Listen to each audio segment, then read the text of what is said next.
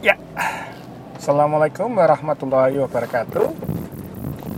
Jumpa lagi dalam podcast Berani Bisnis Klinik Bersama Pak Dimus. Ya, episode hari ini Saya ingin berbagi tentang bagaimana mulai usaha klinik bagian ketiga ya. Kemarin bagian pertama saya uh, menjelaskan tentang bagaimana saya memulai praktek dokter mandiri dan bagian dua bagaimana tips-tips dan cara memulai praktek dokter mandiri dari nol sehingga mendapatkan jumlah pasien tujuh orang di hari pertama. Dan hari ini saya ingin berbagi tentang bagaimana memulai memanajemeni bisnis klinik ini ya Mungkin dari teman-teman sekalian yang sudah praktek mandiri ya uh, di awal-awal praktek di klinik di, di, di praktek tempat sendiri lah, bukan di rumah sakit atau di klinik punya orang lain ya. Akan merasakan bagaimana mengelola pasien itu merepotkan ya. Dan bagaimana mengelola rekam medis mengelola stok ya logistik itu memang merepotkan. Tapi untuk awal-awal jangan memandang itu menyusahkan ya. Kita enjoy aja dan harapannya dengan step by step langkah dari langkah kita memahami proses-prosesnya dan kita nikmati proses tersebut ya. Saya ingin sampaikan di sini bahwa di awal-awal praktek dokter mandiri mungkin hampir sama dengan awal-awal kita mendirikan klinik ya. Cuman bedanya kalau kita praktek mandiri di tempat kita sendiri kita mungkin punya punya satu dua orang staff ya mungkin sampai tiga staff ya. Tapi kalau di klinik kita mungkin akan mempunyai lebih dari lima staff ya. Atau tenaga kerja yang membantu kita dalam mengoperasionalkan klinik tersebut atau praktek tersebut ya. Di sini saya sama, sama saya sama eh, saya mau sampaikan ya tentang tiga pilar penting dalam bisnis ya. Satu pilar operasional, yang kedua pilar pemasaran, yang ketiga pilar keuangan. Tiga pilar ini yang membuat bisnis kita apa pun bisnisnya ya akan bisa bersambung hidup terus menerus ya.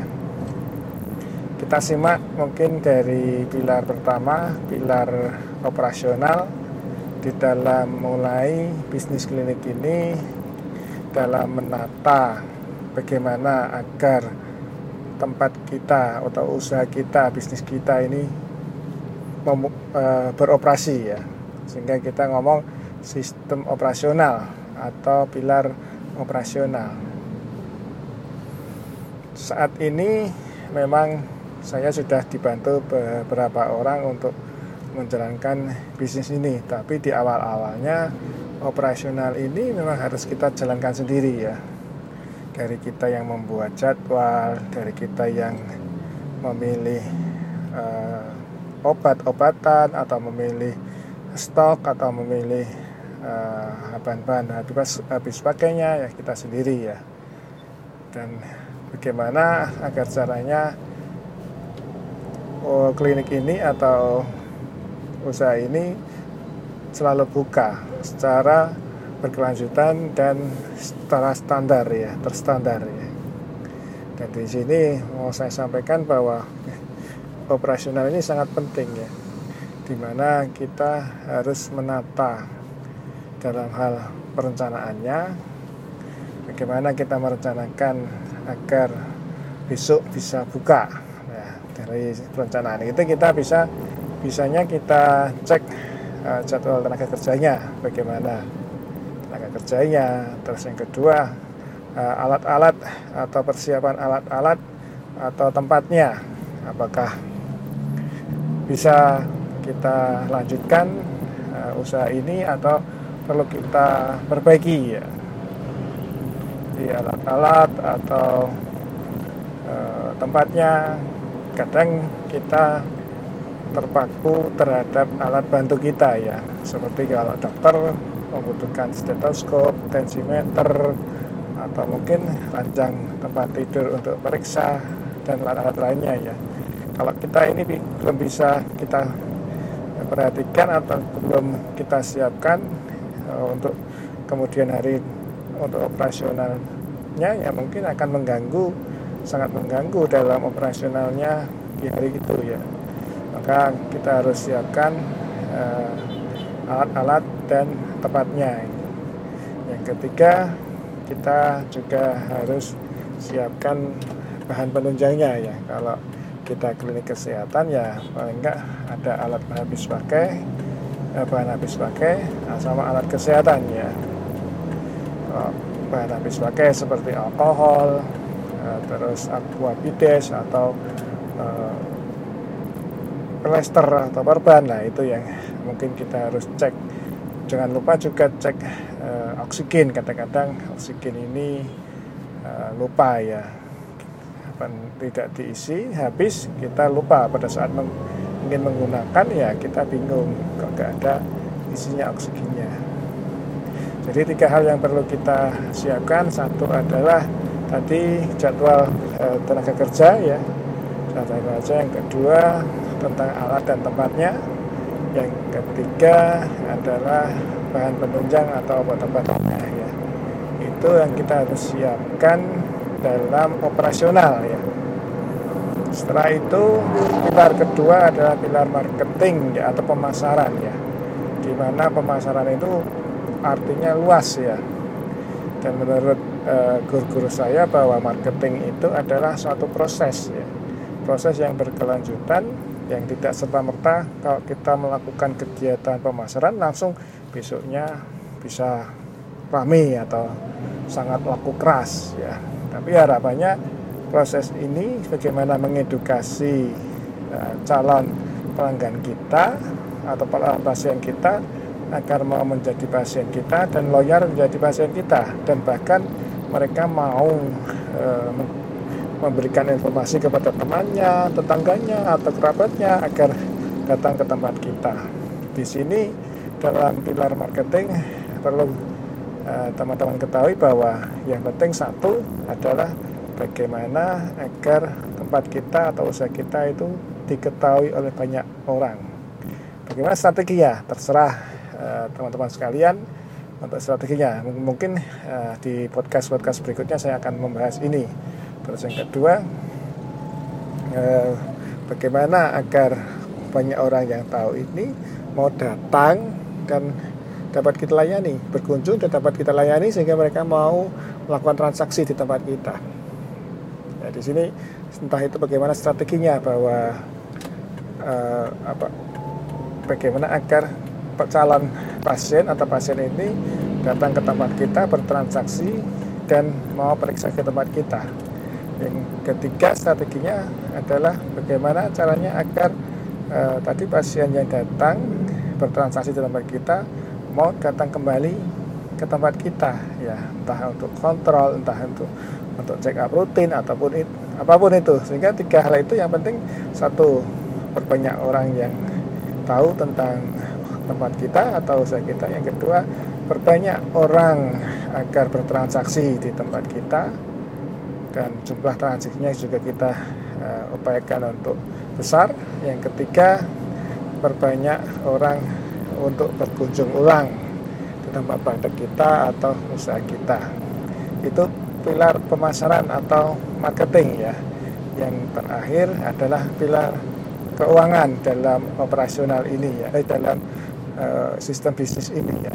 Pilar ketiga adalah pilar keuangan, di mana uh, keuangan ini harapannya kalau praktek mandiri harapannya bisa uh, berturut terus menerus ya bisa beli uh, bahan bahan bahan-bahan bisa melakukan transaksi membayar listrik administrasi dan telepon dan lain-lain itu ya. Dan bisa membayar biaya tenaga kerja dan bisa membayar mungkin kalau tempat kita sewa atau eh, kita ingin mengembangkan tempat kita akan bisa ke depannya bisa dimanfaatkan.